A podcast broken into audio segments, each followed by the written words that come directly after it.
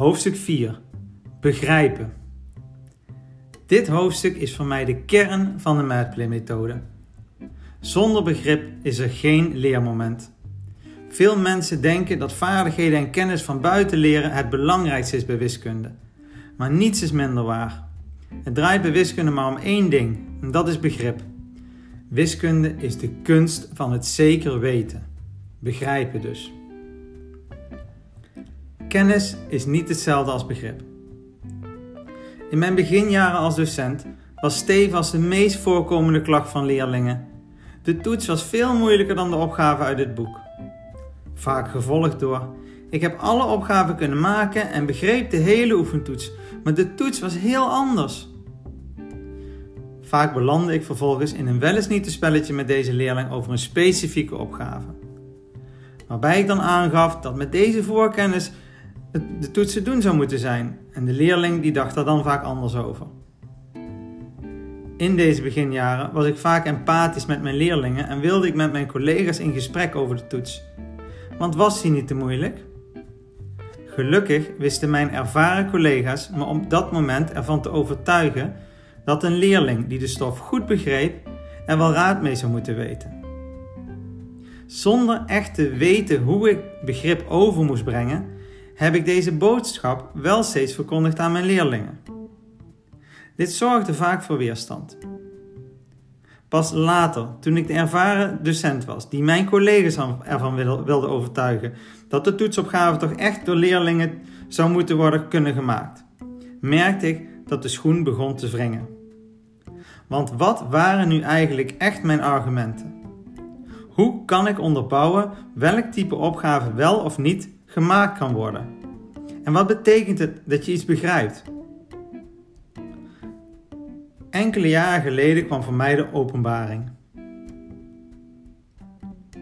Ik zag de spreuk van Johan Cruijff: Je gaat het pas zien als je het doorhebt.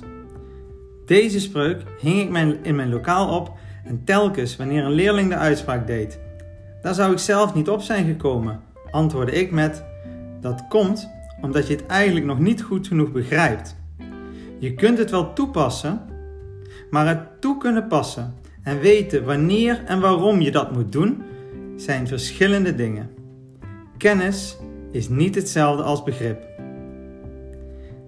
En ondanks dat ik het nog steeds niet in elke situatie concreet kan maken, zorgt het consequent verkondigen van deze boodschap dat leerlingen dit zich toch eigen kunnen maken. Ze voelen feilloos aan wat ik ermee bedoel en ze begrijpen het. Zelden krijg ik nog een dergelijke opmerking van een leerling. En wanneer die wel komt, is er altijd wel een klasgenoot die te hulp schiet en uitlegt dat ze het, dat ze het wel goed had kunnen maken als het maar had gezien. Maar dan moet ze het ook wel echt begrijpen. En in alle eerlijkheid komt dan de reactie: Ja, maar dit begreep ik ook echt niet zo goed eigenlijk. Deze eerlijkheid en kwetsbaarheid komt niet alleen de sfeer in de klas ten goede, maar biedt ook openingen voor meer leerervaringen. Meestal wil een leerling vervolgens toch wel weten hoe het had gemoeten en neemt, deze, en neemt hij deze ervaring mee naar een volgende toets, waar ze het waarschijnlijk wel gaat zien. Wanneer een leerling zegt dat hij wiskunde saai vindt, betekent dat eigenlijk meestal: ik begrijp het niet. Het heeft voor mij lang geduurd om hier achter te komen. Maar je gaat het pas zien als je het door hebt. En zeker als beginnend docent vond ik het lastig om onderscheid te kunnen maken tussen kunnen en willen. Te vaak heb ik toegegeven wanneer een leerling aangaf dat ik toch, dat ik toch betaald werd om iets uit te leggen. Ik was niet bestand tegen opmerkingen als: geef het trucje maar, dat is voldoende voor het examen.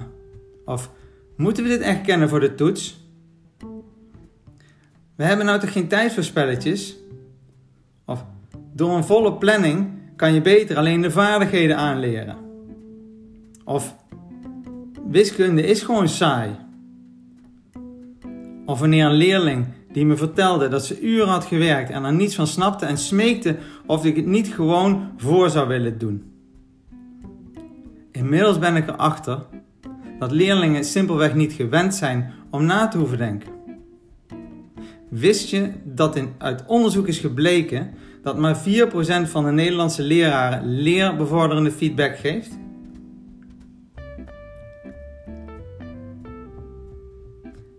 Het is belangrijk om je er ook bewust van te zijn dat iedereen op een andere manier wordt gemotiveerd. Want wat de een motiveert, kan de ander demotiveren.